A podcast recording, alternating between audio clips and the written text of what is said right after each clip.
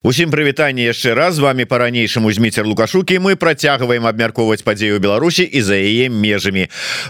Вось новы год наступіў. У гэтым новым годзе наша першая сустрэча з добрым сябрам еўрарады палітычным аналітыкам аглядальнікам гісторыкам Александром Фрыдманам. Добрый день спадар Александр. Добрый день спадар Ну найперш я так разлічваю что і у новым 24 годзе наша супраца якая так як мне падаецца добра сябе зарэкамендавала ў мінулым годзе працягнецца і сёлета Так что будем радаваць наших гледачоў выдатным аналізам і аглядам усяго что адбываецца ў свеце і ў Беларусі найперш. Ну ці датычна Беларусі.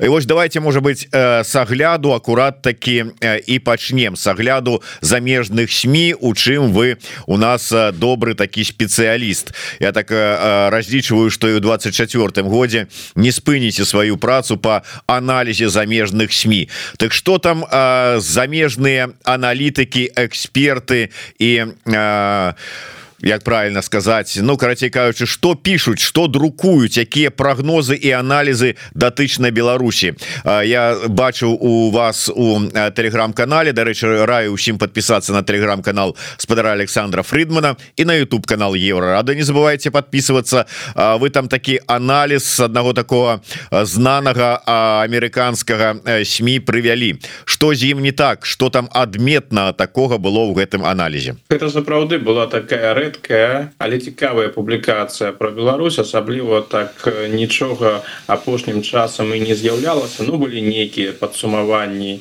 мінулого году такія агульныя агляды але такого нічога своеасаблівага цікавага не было. А вось гэты артыкул мне ён падаўся сапраўды таким неардынарным. У часопісе foreign полісі гэта амерыканскі амерыканскі часопіс прысвечаны міжнародным адносінам і знешняй палітыкі там быў такі артыкул про 8 выклікаў якія могуць з'явіцца на якія трэба за якімі трэба назіраць для чытачоў выдання. І адзін з гэтых восьми кейсаў быў прысвечаны насамрэч Беларусі. Аналіз магчымай палітычна развіцця падзеяў у Беларусі.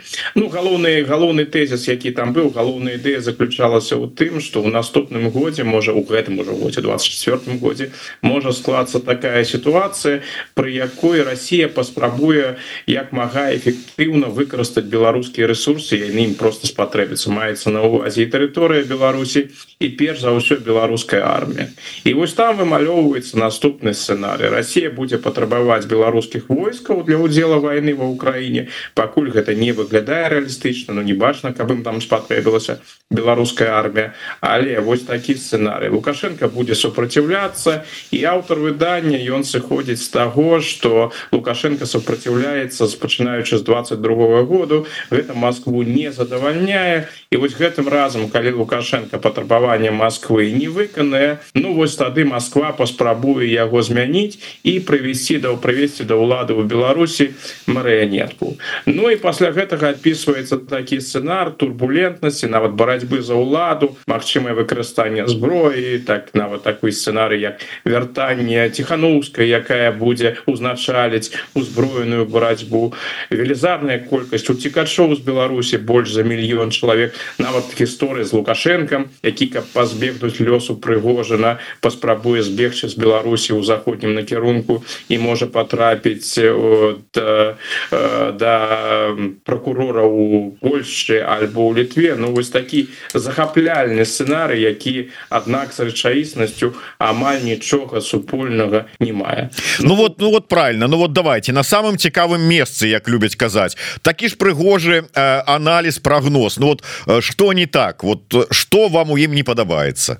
Ну э, справа тым что аўтар і насамрэч э, аўтар Джон Дэні гэта досыць вядомы спецыяліст у галіне бяспекі у злучаных штатах. То бок гэта не нейкі пісьменнік які спрабуе сябе ў жанры навуковай фантастыкі альбо палітычнай фантастыкі. Галоўныя кардынальные фундаментальная помылка полягае у ацэнцы лукашэнкі. Ён сыходзіць з таго что вось лукашенко так уплыў Росіі на Беларусь вельмі моцны але ўсё ж таки лукашенко не марыянетка. Лукашенко гэта самастойная фігура і гэта лукашенко які дамогся того что Беларусь по-ранейшаму актыўна у вайне не удзельнічае і он сыходзіць з таго что Россия гэтага патрабуе а лукашенко паспякова гэтаму супраціўляецца. І у нейкі момант России гэта ўсё так ужо не задаволіць что яна вырашыць от лукашэнкі от лукашэнкі пазбавіцца і потым у Беларусі Мачымы там розныя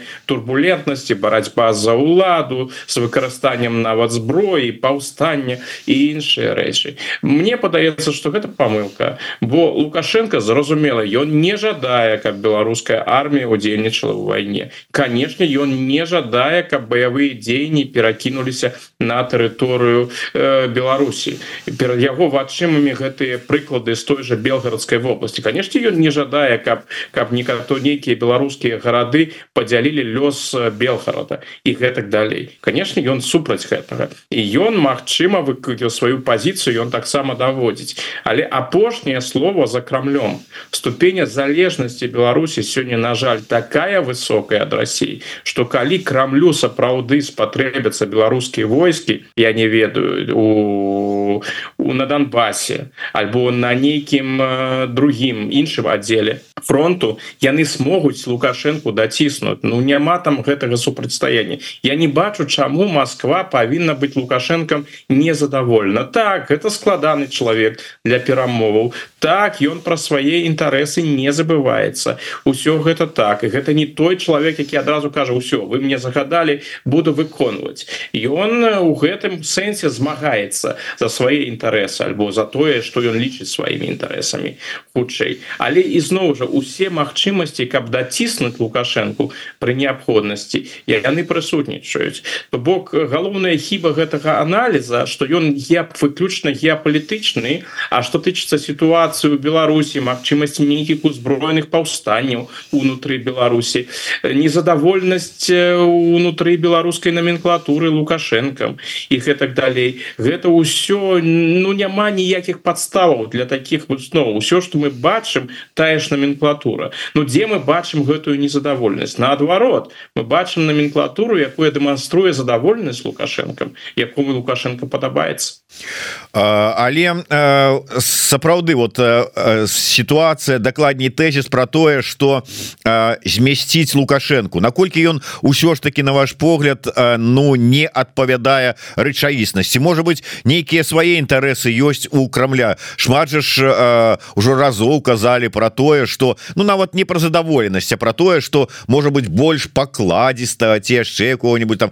конкретно свайго чалавека Москве поставить вот а, вот гэты сцэнар замены такого транзіту уладу вы не прадбачыце Мне падаецца что с московского пункта гледжання гэты транзит на вот такі транзит звязаны з пэўнай рызыкай то бок лукашенко яны ведаюць і давно ведаюць яны ведаюць э, моцныя бакі лукашэнкі яны ведаюць слабыя бакі лукашэнкі яны для лукашэнкі прызвычаіліся давно прызвычаіліся змяняць лукашэнку на некага іншага нават вось фармальна такую абсалютна лаяльную персону ну гэта такая справа бо за гэтым чалавекам не будзе шлейфа лукашын с лукашэнкам все ж разумела куды ж ему кідацца на захад. Кто яго чакае на захадзе хто готовы з ім на захадзе размаўляць захад для лукашэнкі адрэзаны а будзе новы чалавек Мачыма нават прарасійскі нейкі чалавек А хто яго ведае якую палітыку ён потым будзе будзе праводзіць акрамя таго нельга забывацца что кіруюць Росіі сёння люди якія знаходзяцца ў сталым узросце і люди якія ў сталым узросце знаходзяцца яны звычайна не шукаюць там нейкіх эксперыментаў яны ведаюць что з лукашенко можна працаваць что з лукашенко можна дасягаць усяго того что ім патрэбна і яны гэта робяць. Я просто не бачу чым Москва сёння могла б лукашэнкам быць незадаволены усё что патрэбна ён робіць. Ну ініцыятывы не праяўляе. Ну не праяўляе. Сапраўды не пожадаў сам даслаць беларускае войска у, у дапамагаць у барацьбе з, з у вайне супраць Украіны. Ну хто его ведае калі б абставіны склаліся іншым чынам. Калі б напрыклад сапраўды гэтыя расійскія планы там Кіяў за два тыдні і іншае спрацавалі. Каб праз два тыдні расійская армія у 22 годзе была сапраўды ў Киеве Дык что лукашенко мне даслаў свае часткі на дапамогу? Альбо не прыехаў бы на военный парад які б яны там арганізавалі ў Киеве конечно конечно прыехаў бы. Так что у гэтым сэнсе ну нейкай такой незадаволенасці я я не бачу. А да, вось да гэтай не пакладзіцца і праблему з лукашэнкам яны прызвычаіліся. Так что не думаю я что яны шукаюць там некага на змену яму.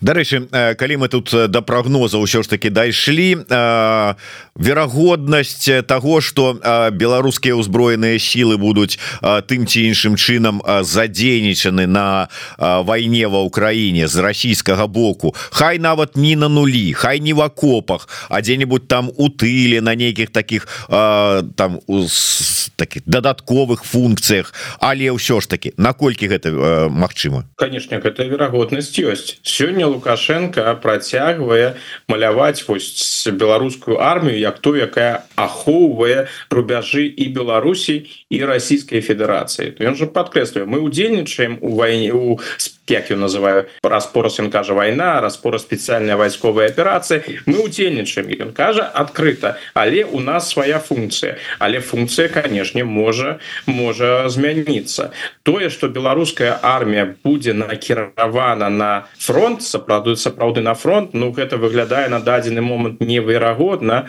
для гэтага няма ніякіх подставаў у дадзены момант бо ўсё не ускладваюцца так ужо падзеі дрэнна для расійскай федэрацыі пра нейкі калал калапс расійскага фронту пакуль увогуле гаворка не ідзе. Але розныя іншыя там дапаможныя функцыі ахоўныя функцыі альбо дапамога под падрыхтоўцы ўсё гэта цалкам магчыма. Далейшыя пастаўкі зброі калі яшчэ засталося тое что можна было паставіць. Усё на гэтым узроўні гэта ўсё будзе працягвацца. Что малаверагодна насамрэч гэта тое что беларуская армія будзе актыўна удзельнічаць войне краіне але то яго ведае як зменіцца сітуацыя на фронте ў наступным годзе Як вы лічыце гэта ну з адсутнасць інфармацыі дакладнай разуменне сітуацыі у вот это эксперта Дэні ці гэта ну я не ведаю нейкі такі папуліст папулісткая ці можа быть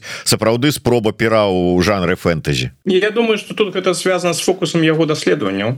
Ён займаецца геапалітыкай ён займаецца тэмамі бяспекі.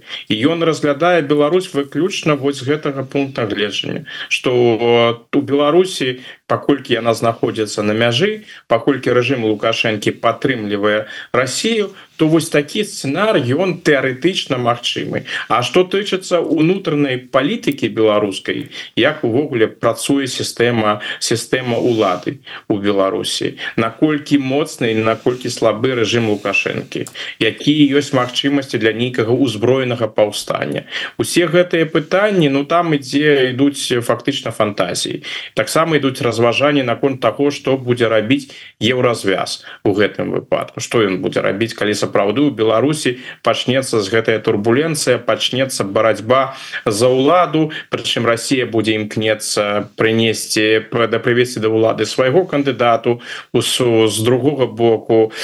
Апозіцыйны як ён называе сілы будуць спрабаваць гэта прадухіліць і нават э, з дапамогай военной дапамогай што рабіць у гэтым выпадку еўразвязу будзе еўразвяз пастаўляць зброю будзе праводзіць нейкія таемныя аперацыі на тэрыторыі Беларусі альбо просто будзе назірацца сітуацыя. Ну гэта такія агульныя разважанні. Мне падаецца что калі нават уявіць такі сцэнар то спас пункта гледжання еўразвязу і увогуле захада ўсё зразумела. Захад хоча прадухіліць гэты сцэнар любым чынам бо лукашенко з пункту гледжання захада гэта канешне дрэнна. Это вельмі дрэнная опцыя для Еўропы тогда дрэнная опцыя для Беларусі. Але не найгоршая. Калі сапраўды на тэрыторыі Беларусі будзе нейкія там вайна нестабільнасць баявыя дзеянні альбо наўпрост Беларусь будзе далучана до России альбо на смену лукашенко прыйдзе сапраўды чалавек які будзе выконваць усё что за будзе загадывать Россия але яшчэ і проявлять ініцыятыву то бок сам добраахвотна дашле Беларусь беларускія войскі на дапамогу России. Альбо скажу ну давайте можно же наносить удары по украінскай тэрыторыі далей з тэрыторыі Беларусі давайте будем гэта рабіць то бок яшчэ больш уцягне Беларусь у гэтую войну Ну гэта захаду відавочна не патрэбна не зацікаўлены ён у гэтым. Той статус-кво які ёсць на дадзены момант вось гэты лукашенко непрыемны скандальны правакацыйны лукашенко. Гэта ўсё ж таки з пункту гледжання захаду далёка не найгоршае что можна ў Беларусі атрымаць сёння ну, з іншага боку калі тут такую ударыцца ў канспіралогію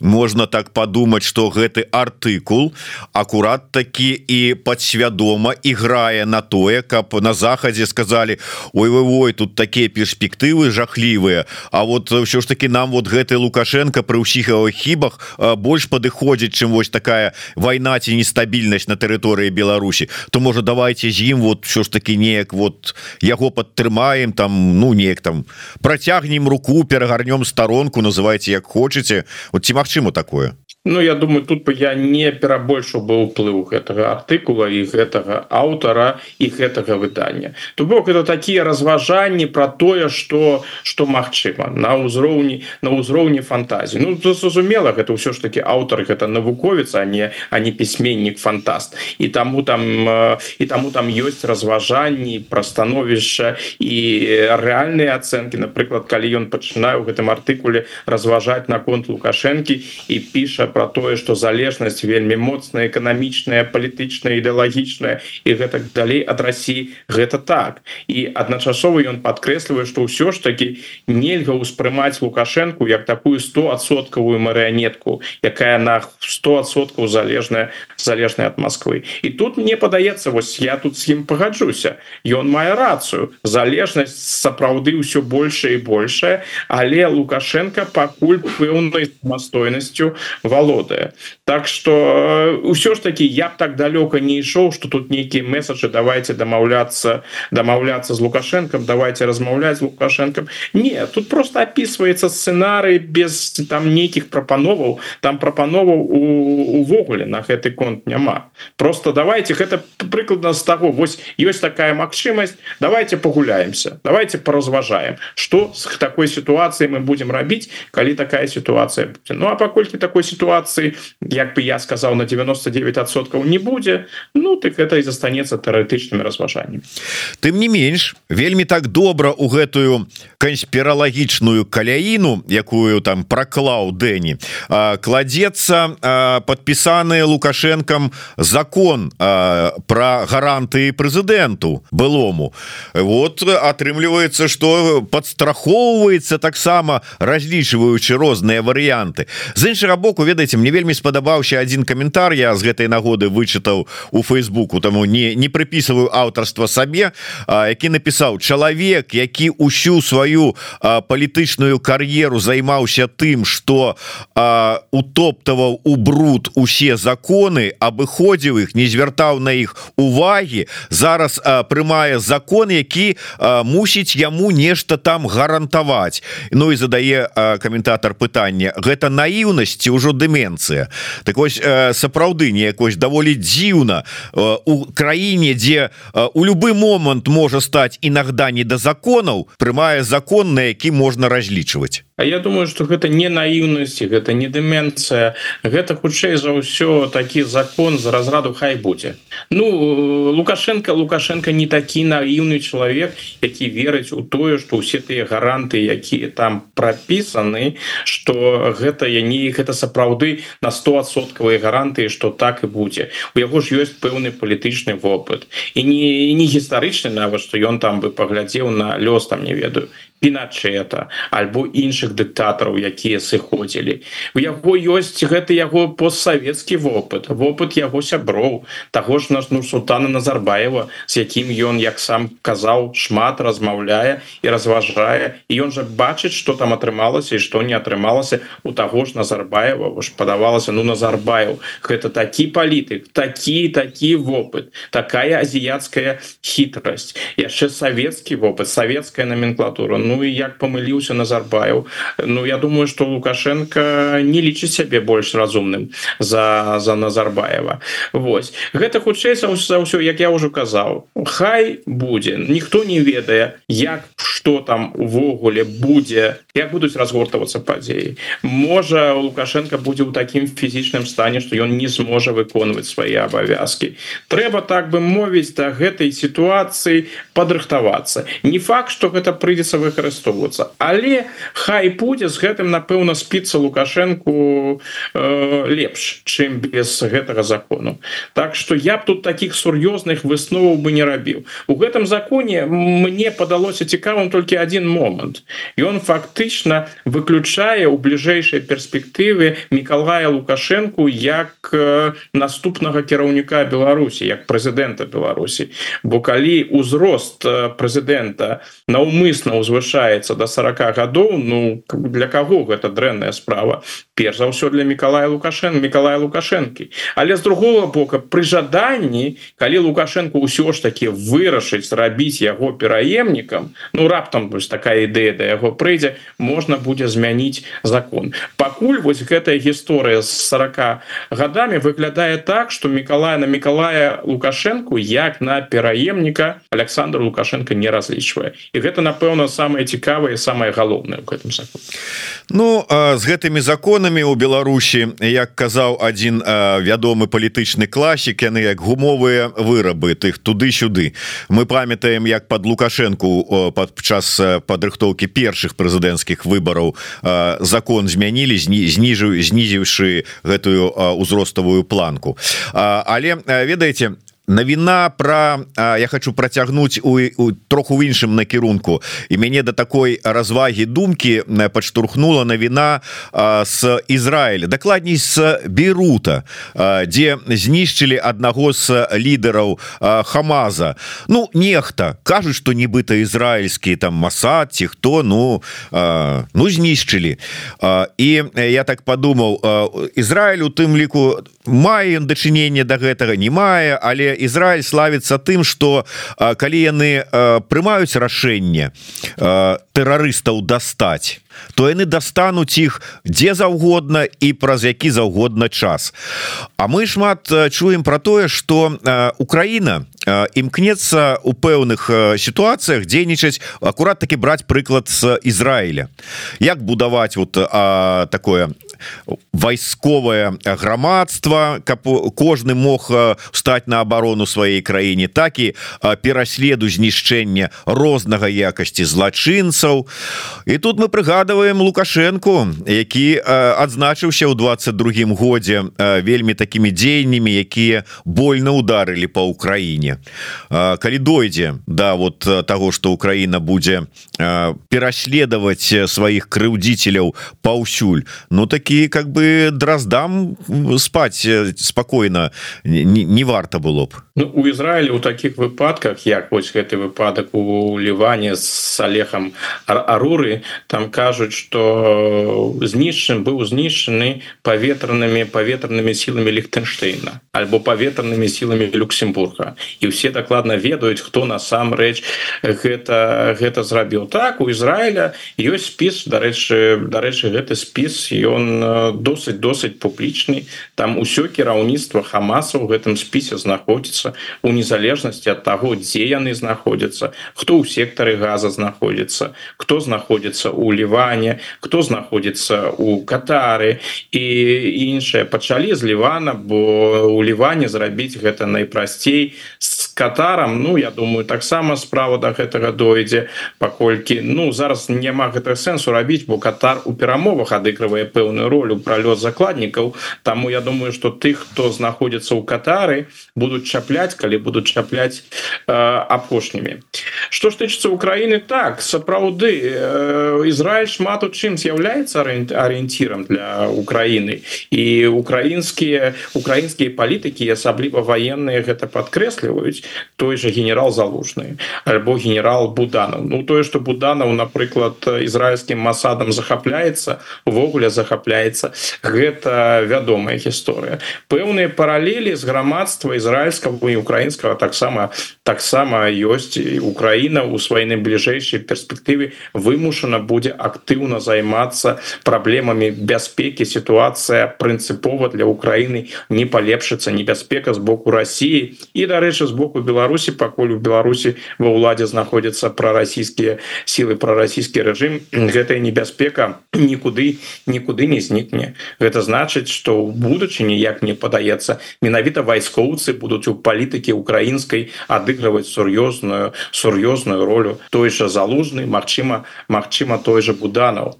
Справа ў тым что можна канешне дэклараваць бескампраміснасць і гатоўнасць разобрацца з усімі. Тут же пытання магчымасцяў. Таких магчымасцяў і такога прафесійнага ура ўзроўня яго ва Украіны пакуль э, няма. Але украінцы над гэтым працуюць і у будучыні канешне Мачыма Мачыма ўсё. А что тычыцца лукашэнкі то тут жа гісторыя не толькі про Украіну. Лукашенко ён же вядомы канспіролог ён же бачыць сябе ворагам захада і заходзіць з таго что захад э, спрабаваў і будзе працягваць спрабаваць яго знішчыць забіць і гэтак далей Я думаю что нават калі лукашенко сваю пасаду пакіне ён все роўна будзе гэтага чакаць. Таму і ахова яму патрэбна і гэтак далей. Ну насколькі ён можа быць у будучыні цікавы для тых же украінскіх спецслужбаў думаю прыоритетам ён вы відавочна не будзе. Прыоритеты у іх на дадзены момант расійскія выключна расійскія. Ну сапраўды тут можна чакаць что хутка з'явіцца якая-нибудь біяграфія дзе высветліцца что і подліозна у 94 годзе там оказываю окажется якія-нибудь ЦРУ Тимасад ці яшчэ новозеландская ці а, а знешняя разведка Лихтенштейна стреляла так.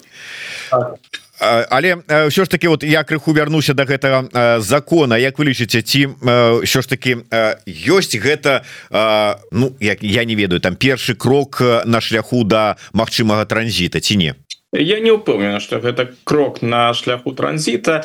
У, якім сэнсе? Лукашенко задумваецца про будучыню. І он задумваецца про тое что Мачыма яму прыйдзецца з розных прычынаў. Можа тому что ён стаміўся. Можа тому что ён просто фізічна ўжо не стане выконваць вось гэтыя абавязки по аперацыйным кіраўніцтве. Можа таму что ён хоча пажыць просто для для сябе. Яму ўжо больш не цікава там ездзіць по розным а аграгарадкам і праводзіць нарады там не ведаю про стан э, жывёлагадоўлі Магчы Магчыма і гэта так. Так что ён не выключае я б сказал вось так. Ён не выключае что прыйдзецца сысці з гэтай пасады Таму ён до да гэтага рыхтуецца. Але рашэнне з майго пункта гледжання яна яшчэ по-ранейшаму не прынята і гэта будзе вельмі пакутлівае рашэнне для лукашэнкі. Я думаю что яго будзе яшчэ ў гэтым 24 годзе. У хутчэй за ўсё менавіта ў 24 годзе яму прыйдзецца прыняць гэтае рашэнне. Ён будзе думаць увесь год про наконт того что рабіць. І гэта будзе для яго такая вельмі змрочная справа бо гэта галоўнае рашэнне яго яго як палітыка. І гэта тое рашэнне дзе нельга памыліцца. Калі ты тут памы пам, калі будзе памылкаў яна можа быць фатальным. Про гэта яму могуць яго калегі дыктатары шмат чаго э, распавесці. Так что яму будзе гэта зрабіць складана акрамя таго знешне палітычны кантэкст. Ён таксама конечно уплывае. Вайна ва ўкраіне працягвае працягваецца ён себе на канешне задае пытанне ці можа ён сысці ў той момант калі працягваецца вайна ці будзе вось той наступны прэзідэнт ім абраны альбо прэзідэнтка ці будзе яна ў стане ўсё зрабіць належным чынам акрамя таго ёсць яшчэ фактор Путина. Путин то застаецца і Путин з яго вядомымі імперыялістычнымі амбіцыямі рэваншызму нікуды не знікае і тут яшчэ цікавае пытанне ці дазволіць яму Путин сысці нават пры тым калі б лукашенко жадаў сысці можа Путин лічыць для сябе что Александр егорович пачалі разам і будем цягнуць разам до апошняга. Так что гэтую такую магчымасць я б таксама э, улічваў. Але э, як мне падаецца ўсё ж таки э, я не ведаю калі там нейкія э, думкі там ці я не ведаю там можа адценні думак про а можа быть там вот э, сысці троху ў тень э, нібыта на пасаду это э, хурала ўсе беларускага старшыні э, і былі то яны хуценька адметаюцца Вось э, сённяшнее падчас э, чарговага это прызначэнняў. Ізноўку прогучала поставілі старую пласцінку про тое что ну вот э, э, я тут не хочу ну вот человек час жа ж такі э, складаны як тут можна пакінуць краіну. Колькі разоў мы гэта чулі? Пачынаючы ад таго что калі народ захоча но ну, народ чамусьці не хацеў А калі ў двадцатым захацеў то тут апынуліся новыя там выклікі А там жа ж вайна А як же ж я сыйду А што ж вы тут без мяне А хто тут э, замест мяне? Ізноўку пачалося тое ж самае. Нічога там не пра які транзітак па мне і у галаве нічога няма нават. Я думаю что галоўная праблема якая зможа яго прымусіць менавіта прымусіць да гэтага транзіту гэта фізічны стан. Калі ён сам для сябе побачыць не тое что побачыць что значит побачыць калі будзе відавочна что ён не ў стане больш аператыўна кіраваць тады ён вымушаны будзе на гэта пайсці. Что мы назіраем апошнім часам? Апошнім часам мы бачым что лукашенко маладзейшым не становіцца ему ў гэтым годзе 70 гадоў. Гэта такі паважны узрост тое жыццё якое ён вядзе апошнім часам но яно не самое лёгкое назовем назовем гэта так стрессу у яго жыцці то хапала. Маладзейшым ён не будзе. Так что хто мы ж не ведаем праўды. Все роўна не публікуецца пра стан яго здароўя. Не ведаем які яго захвору не ведаем якія яго праблемы. Так что мы можем займацца ў гэтым сэнсе толькі толькі спекуляцыямі. Мачыма усе гэтыя законы выкліканы толькі тым что лукашенко для сябе бачыць что яму фізічна ўжо не так усё лёгка даецца таму трэба такую нейкую страхоўку зрабіць не, не, не трэба падрыхтавацца да нейкіх э, выпадковых непрыемных рэчаў якія якія могуць прыйсці. Вось гэты фактор я бы ўсё ж таки не адмятаў. Але ізноў жа калі мы про гэта разважаем гэта ўсё больш конечно спекуляцыі Ну да але э, так же ж вот ён у бок Афрыкі глядзіць так вот э, там сябруе і так э, как бы э, я не ведаю там прыклад не прыклад но как бы там вот такія ж малайцы гэтыя э, дыктатары афрыканскія. А мы бачым як асобныя з іх он э, стаяць штаны абмачваюць але вот за пасаду трымаюцца. Так что тут как бы можа быть і ў гэтым ключы.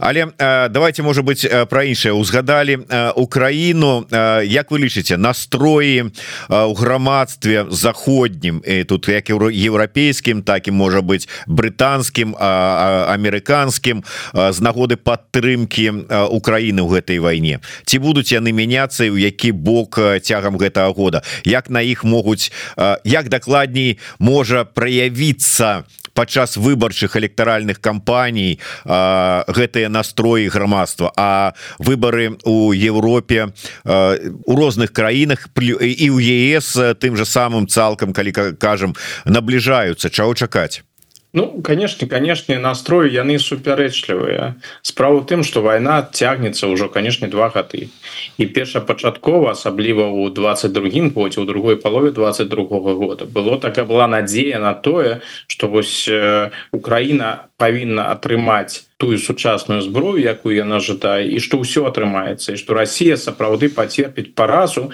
бо расійская армія но ну, выглядала ў 22 годзе скажем так не упэўнена но ну, так я стрымана скажу не упэўнена у 23 год ён быў іншым это быў час розных спробаў из украінскага боку из боку расійскага просунуцца атрымаць вырашальную перамогу гэта быў была эпоха наступаў перыяд наступаў не эпоха хутчэй перыяд наступаў але ж мы побачылі і Россия поспехаў сур'ёзных не атрымала і у Украіны сур'ёзных поспехаў не было. І нягледзячы на тое что пастаўки зброі заходняй былі нягледзячы на тое что НАТО працавала з украінскімі вайскоўцамі іх падрыхтоўвалі іншыя іншыя іншыя і гэта зразумела ўплывае на настрой у грамадстве. Зараз мы прыйшлі до такого пункта что не не зразумела у які накірунак пойдзе гэтая вайна. Відавочна что яна хутка не скончыцца відавочна что яна працягваецца і вядзецца брутальна крывава. І что рабіць калі няма у цябе нейкай перспектывы что з гэтай войны можна выйсці? Таму такое расчараванне і неразумение і страта перспектываў гэтые настроі прысутнічаць у гэтым сэнсе канешне гэта дрэнна. Не ў тым сэнсе что там кажуць мы больше не дапамагаем Украіне. Не жаданне і гатоўнасць Украіне дапамагаць яна прысутнічае. Але таксама ўзнікае пытанне. Ну вось мы дапамагаем А что гэта дасць ці гэта прынясе сапраўды нейкі поспех ці будзе гэты вынік? І гэтыя пытанні яны задаюцца ўсё часцей часцей. Так что калі было нейкае выйсце рэальнае выйсце з гэтай войны нават замарозіць яе ў сённяшнім стане Я думаю что гэта знайшло падтрымку і ў значнай колькасці палітыкаў еўрапейскіх і кіраўнікоў і ў значнай колькасці людзей у грамадстве. Пэўна нават у пераважнай большасці. У, у грамадстве праблема ў тым что такога выйсця няма. І Путін кажа про гэта адкрыта просто трэба яго пачуць.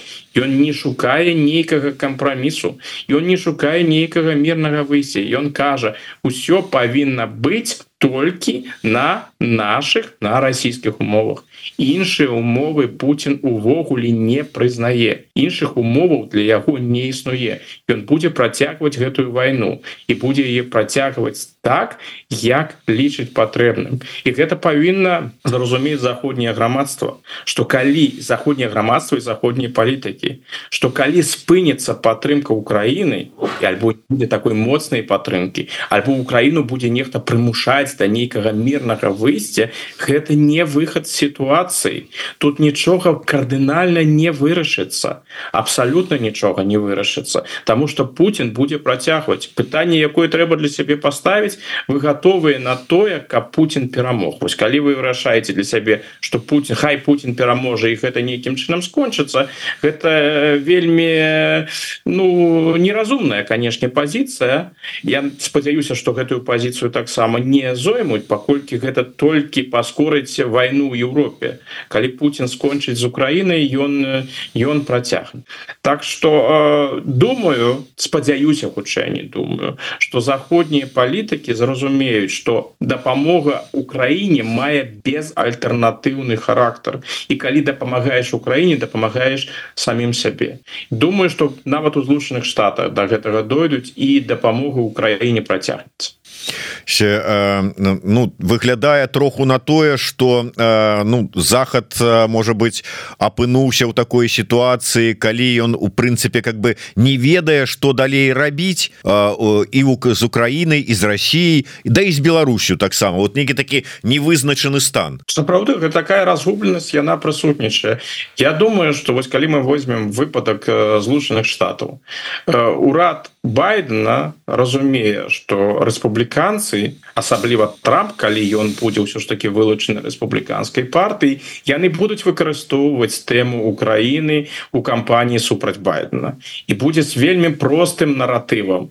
Вы столькі грошаў выдаткавалі на Украіну вы столькі грошаў выдалі Украіне і што? Якія ваши вынікі? Что Украіна дасягнула? Украіна страціла гэта і гэта. Адваявала Украіна свае тэрыторыі? Не адваявала свае тэрыторыі і вось гэтая крытыка яна для байдена вельмі непрыемная. Таму можа байден і яго каманда яны былі зацікаўлены былі б зацікаўлены ў тым каб тэмы Украіны падчас выбарчай кампаніі увогуле не было. Каб там вайна замарозілася мы прыйшлі такі новы стан 16 18 -го года калі про Украіну нічога не кажуць Ну там нічога асабліва не адбываецца вайна не скончылась але ж баявых дзеянняў таких гарачых няма няма і няма.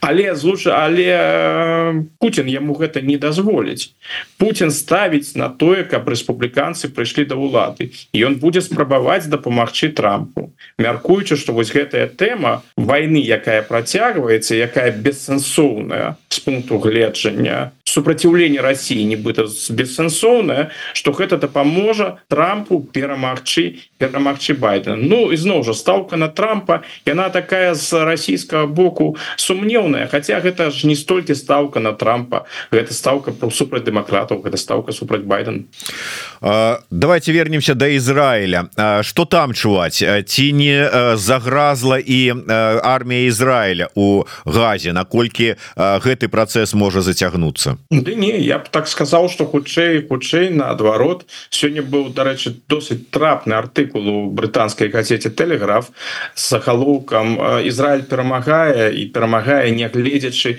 нягледзячы на ўсю крытыку якая якая ідзе калі мы паглядзім на ізраильскую аперацыю так яна ідзе марудна Ну і з самага пачатку гаворка ішла про тое что там нічога хуткага не будзе что гэта будзе доўгая аперацыя але страты з ізраильского боку яны куды меншыя чым чым гэта чакалася.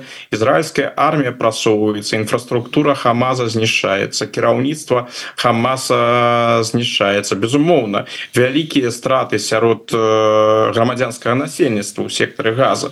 Гэта гэта гэта гэта вядома тут нічога новага у гэтым няма але з ізраильскай перспектывы нягледзячы на вось гэты друг з вонкавай усю крытыку якая ідзе ўсё працягваецца досыць досыць паспяхова.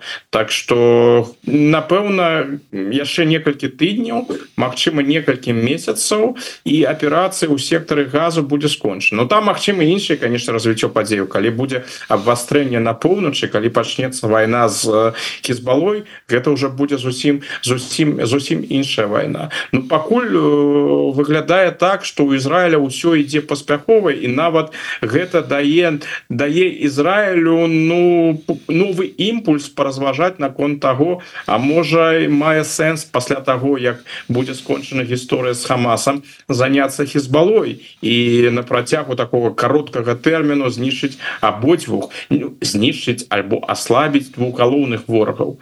Так что тут у гэтым сэнсе у Ізраіля мне падаецца ўсё ідзе по плану. а у Ізраілі ідзе по плану. Наколькі на ваш погляд верагодна тое что баявыя дзеянні у нашым рэгіёне могуць пашырыцца вот гэтая ракета якая заляцела на тэрыторыю Польшчы там типа развярнулася поляцела назад. А зараз туск выказаўся з таго что цягам бліжэйшых гадоў Мачымы все ж таки некія с сутычки с Россией чаго чакаць? Ці магчыма что правакацыі могуць не, не безумоўна не вайна не напад там на на Фінляндыю там ці на Польшу ці на літву А вот якія-нибудь такія тэрарыстычныя акты на еўрапейскія краіны? Ну пачнем пачнем з таго что с вайна з Россией яна паступова становіцца таким базовым сцэнаром на будучыню Украіна ў НАТО. Вось гэтага з гэтага ўсё больш сыходзіць і палітыкі і генералы ў розных еўрапейскіх краінах кажуць про гэта досыць адкрыта. То бок яны не сыходзяць з таго что вайна з Росіі такі ўжо абавязковы варыянт э, які на 100соткаў будзе. Не конечно не. Але гэта той базовый сцэнарый да якога трэба рыхтавацца. І у НАТО э, відавочна будуць да гэтага рыхтавацца. Что ж тычыцца рознага кшталту правакацыі Ну яны будуць працягвацца. Россия тым самым правярае рашучасць гэта гэта гэта таксама вайна толькі прапагандысцкая вайна і гібридная вайна. Что ж каса что чыцца розных тэрактаў на тэрыторыі Еўропы то верагоднасць канешне вялікая. Вось э, напрыканцы мінулого году была арыштаван шэраг шэраг э, ісламістаў быў арыштаваны у, у Геррманіі якія рыхтавалі рыхтавалі тэрарыстычны акт у кёльнскім саборы. І гэта тыя навіны да якім еўрапейцам прыйдзецца прызвычаіцца такая тэрарыстычная пагроза яна нікуды не знікне то бок что бліж блізкаўсходні канфлікт ён будзе працягвацца а Еўропа ўжо даўно з'яўляецца аднім з ачагоў гэтага гэтага канфлікту гэтай гэтых войнаў якія вядуцца. Акрамя таго і Росія зацікаўлена у дэстабілізацыі Ну пакуль Росія асабліва тэрарыстычныя меты не выкарыстоўвала Ну я маю на увазе такія буйныя тэракты. Але забойствы забойствы убийствы розных дысідэнтаў палітыкаў на захадзе у той же Великабрытаніі мы ж гэта уже ведаем ужо ўжо ўсё гэта праходзілі. Так что из гэтага боку трэба чакаць дэстабілізацыю Еўропу увогуле чакаюць шэраг вельмі моцных і складаных выклікаў. Пытанне ў тым ці падрыхтаваная Еўропа да гэтых выклікаў ці зможа Еўропа вытрымаць. С аднаго боку да про Еўропу про ці гатоўнасць еўрапейскага грамадства а про другое ці не э, стануць беларусы ахвярамі гэтых выклікаў. Ну вот да прыкладу мы э, ведаем про законы які прыняты во Францыі адносна э, там мігрантаў у тым ліку. Калі там па подазрэнні там по абвінавачванні у тэрарыстаў нават э, набытае грамадзянство Францыі можа быть анулінава анулявана чаго раней немагчыма было зрабіць. І э, человека отправляют назад адкуль ён приехал. І наколькі я вот бачу тэндэнцыю такое ну скажем так больш суворае стаўленне да міграцыйнай палітыкі да пытання мігрантаў яно зараз актуалізуецца шмат у якіх еўрапейскіх краінах. З гэтай нагоды ці не трапяць беларусы под як кажуць гарачую руку? Вот прыклад літвы дзе раптам дарацца прэзідэнта літвы наўседы убачыў у беларусах пятую калону. Чым это можа скончыцца? Ну что тычыцца тэмы актуалізацыі мігрантцаў міграцыйнага міграцыйных э, канфліктаў і міграцыйнага дыскурсу увогуле то гэта сапраўды назіраецца гэта будзе будзе працягвацца бо под уплывам апошніх падзеяў усе гэтых вялікіх акцыяў пра палестынскіх якія былі э, канешне шмат хто задае пытанні пра інтэграцыю э, мігрантаў ці яна атрымалася ці не она не атрымалася пра праблемы з гэтым звязаны. Але ж ўсё ж таки гэта геаграфічна ты тычыцца перш за ўсё краіну блізкага ўсходу Ну і у выпадку выпадку і Геррманіі выпадку Францыі пераважна выпадку Францыі таксама паўночнай Афрыкі.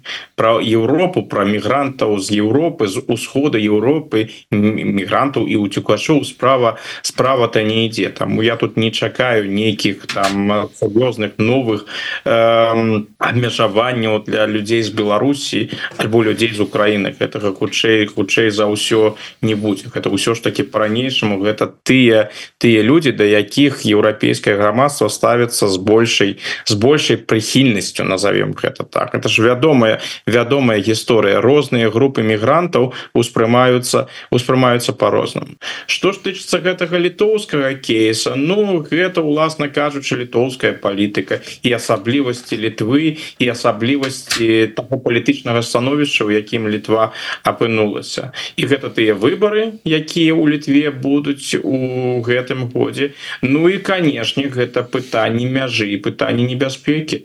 Лятва літва літва мяжуе з лукашэнкаўскай беларусю. Беларусь лукашэнкі разглядаецца у літве як пагроза Ну і беларускія ўлады гэтага і не хаваюць і сваёй рыторыкай і тым міграцыйным крызісам які быў у 21 годзе. Ну і акрамя таго у краінах Балтыі пераважна у літве э, разглядаюць сябе як патэнцыйных ахвяраў расійскага імперыялізма. Тое што адбылося ў 22 годзе з Украінай гэта тое што ў прыбалты у прыбалтыйскіх краінах могуць сябе ўявіць. І калі ўжо распрацоўваюцца гэтыя сцэнарыі калі сыходзяць з таго того что пагроза ідзе з боку Беларусі что адтуль можа прайсці напрыклад расійская армія ці яшчэ нешта такое. У такім кантэксце калі гэта прагаворваецца калі шмат хто про гэта думае Ну вось і выказваю адбываюцца такія выказванні мы живвем у экстрэмальныя часы.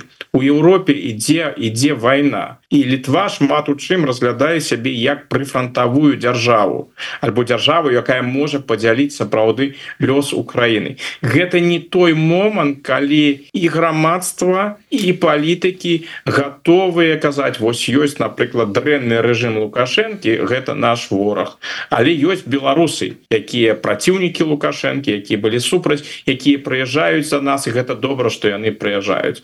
Вось такое калі калі былі б нармальныя спакойныя часы но ну, безумоўна як это было яшчэ ў двадцатым годзе люди і люди і палітыкі адрознівалі.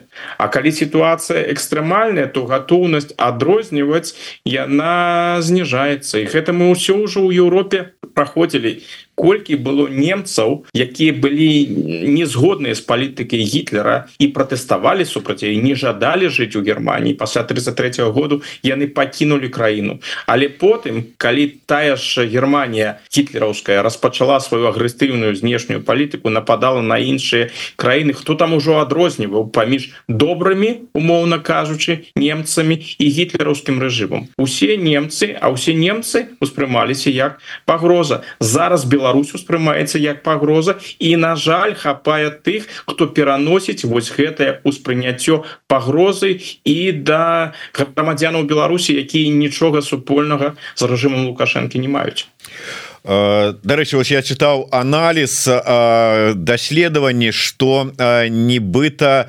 расійскія прапагандысты і лабісты вельмі паспяхова апошнім часам дзейнічаюць у Еўросаюзе ці сапраўды гэта так по ваших назіраннях? Можа быть по сМ может быть эксперты медыаэксперты выказываются і что з гэтым рабіць? Ну наконт паспяховасць тут можна можна паспрачацца але гэтыя лабісты яны сапраўды прасоўваюць расійскія наратывы актыўна прасоўваюць. Прычым яны такі ўжо яны так это робяць так больш субтыльна не так адкрыта. Там же ніхто не праводзіць прапаганду там что Путін добрый альбо тое что робіць Россия гэта выдатна. Не там же ідзе ў іншы накірунак что вось вайна не мае сэнсу. Ну навошта падтрымліваць Украіну хотя яна ўсё роўна прайграю яе няма шансу акрамя таго так ну расійскі рэжым рэжым ён дрэнны але ўсё ж таки танны газ. Это такая добрая справа. Можа трэба было нейкім чынам на іх замірыцца і атрымаць гэты танны танны газ. Навошта мы пастаўляем напрыклад зброю ў краіне выдаткоўваем грошы на на оборону калі у нас эканамічная сітуацыя пагаршаецца? Вось гэта менавіта тыя наратывы якія ну падабаюцца расійскаму боку і якія сапраўды яны распаўсюджаны. Так гэта ўсё ёсць. Я б не сказаў что гэта стало мейнстрымам яшчэ далёка до того каб гэта стало мейнстрымам але там розныя папулісты папулісцкія рухі у розных еўрапейскіх краінах якія адкрыта не падтрымліваюць Россию але у якіх ёсць шмату агульнага ідэалагічнага з расійскай Федерацыі яны зараз на такім досыць добрым узроўні. Зараз такі паспяховы час для іх. Так гэта звязана вось гэтым агульным расчараваннем что шмат хто ў Еўропе просто не бачыць такого рэальнага выйсця выйсця з гэтай сітуацыі. А вось развітацца з упэўненасцю у будучыні. Гэта для еўрапейцаў на дадзены момант для заходніх еўрапейцаў гэта такое вельмі непрыемная рэч. Трэба ж разумець что чым что было прыкметнасцю прыкметнай рысай заходнееўрапейскага грамадства напрыклад того ж нямецкага грамадства нідерландскага грамадства бельгійскага грамадства. Гэта была упэўненасць у тым что будучыня будзе лепшым лепшай чым сённяшні дзень.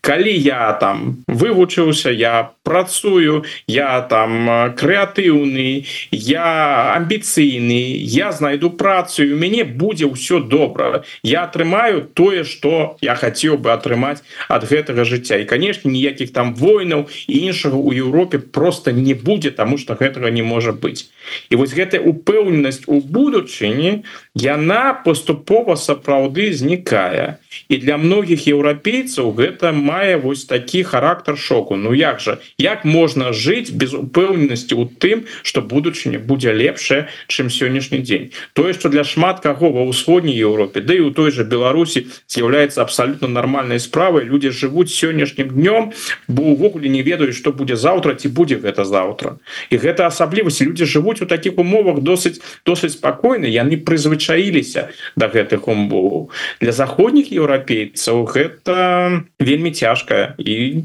такая жахлівая нават вы сказал бы ситуация. Ну так тым не менш э, трэба как бы я так разумею э, уважліва адсочваць э, тыя інфармацыйныя посылы тыя наратывы про расійскія там те ў абарону якіх там расійскіх сакрэтных агентаў выведчыкаў імперцаў кшталту там як я неяк там закрануў аднаго з дзеячоў і прыхільнікаў поўнага аб'яднання Беларусі Росіі Андрея суздальцева. Дык вот тут паглядзелі як тут кінуліся ў яго абарону пэўныя асобы. Один там нават лічыць сябе лідарам дэмакратычных сілаў Беларусі. Але ну як кажуць ім сваё. Мы давайте яшчэ звернемся на заканчэнне нашай размовы да тэмы якую мы з вами не один раз абмяркоўвалі. Яна балючая для нас усіх. І гэта тэма русіфікацыі Беларусі якая адбываецца. Вот мне звярнуць увагу ў чарговы раз на гэтую тэму. Прымусіла навіна про тое что вот я просто про цытую другога студзеня вот вот буквально заўчора у лідзе быў знішчаны сімвал паўстанцаў 1863 64 гадоў на камяні помніку у гонар расстралянага на загад віленскага генерал-губернатора мурав'ёва ксянза Адама фалькоўскага Ну ось знак то есть атрымліваецца помнік быў фактычна знішчаны знак знішчаны з гэтага помніка. І нічога вот как-то вот за лайки ловяць усіх кого не попадзе А тут вот злачынства и э, нічога не адбываецца потому что відаць э, вы не понимаете это другое. Ці вот что? Что вот на ваш погляд зараз шмат размову про тое нават э, пен выдаў э, такую сваю э, аналітыку з нагоды русіфікацыі э, Беларусі Як вы назіраеце за гэтымі працэсамі что адбываецца у апошнія дні? Ну а потым качанова будзе казаць про тое что помнікі знішчаюцца толькі ва Украіне і і на захадзе як, як, як вядома. Да бандера ну, нацыстамі гэтымі А у нас вот э, знаете если б не лукашенко то вот э, у нас было бы как в Украине. Конечно. Конечно. Ну гэта выглядае так что яны барацьбу сваю с кастуцём каліновскім як яны е распачалі пасля двадцатого году так яны яе будуць э, працягваць і тут яны яны не спыняцца і будуць навязвацца гэтые прарасійскія наратывы гэта ўсё будзе на жаль прысутнічаць тому что ёсць канешне фактор России. Россия зацікаўлена ў тым каб гэты расійскі погляд на гісторыю Беларусі і ў 19 стагоддзі у сярэднявечча і ў двадцатым стагоддзі каб навязаць гэты погляд. По гэта ідзе барацьба за мазгі. Калі у людзей будзе расійскі светапогляд русацэнтрычны светапогляд і рускі мір у галаве ну ты к самым Росія забяспечыць сябе будучыню ў Беларусі будучы будучыя ўплывы. Что тычыцца рэжыма рэжым ён з аднаго боку. Я думаю что пэўныя часткі рэжымы яны разумеюць что вось тая русіфікацыя якая праводзіцца. І вось той русский мир які паступова апановвае Беларусь что гэта дрэнна і для самога рэжыма не толькі для беларушчыны это дрэнна для самога рэжыма бо гэта яшчэ больш моцна прывязвае Беларусь Беларусь на России але з другого боку і сярод прыхільнікаў гэтай улады і сярод чыноўнікаў хапае тых людзей які ўжо арыентуюцца на ідэалы рускага мира таму гэты русский мир ён будзе на жаль жаль у беларусі хутчэй за ўсё прасоўвацца і гэта русіфікацыя будзе будзе працягвацца так что гэта не і калі мы ўвогуле паглядзім на перыяд э, кіравання лукашэнкі з 94 -го года. Гэта ж перыяд і так суцэльнай руцы русіфікацыі гэты магістральны вектор на русіфікацыю ён жа ніколі не змяняўся просто былі лепшыя часы былі часы горшыя Ну зараз відавочна з палітычных прычынаў часы часы зусім з зусім дрэнныя але ізноў жа я думаю что калі у лукашэнкі не атрымалася ўсё знішчыць канчаткова за 30 гадоў амаль за 30 гадоў дык яшчэ за некалькі гадоў таксама не атрымаецца Дякую вялікі. Ну что ж будем развітвацца. На завершэнне я хочу яшчэ раз нагадаць усім подписываться на телеграм-канал спадара Александра Фрыдмана. Ну і безумоўна подписывайтеся тыя кому это бяспечна на YouTube канал еврорадыо расшарвайте ставьте свае падабайки націскайте на звоночек каб не пропустить наши наступныя эфиры покидайте свае каментары. Будьте разам з нами а мы будем з вами Дякую вялікі спадар Александр. Жыве Беларусь. Жыве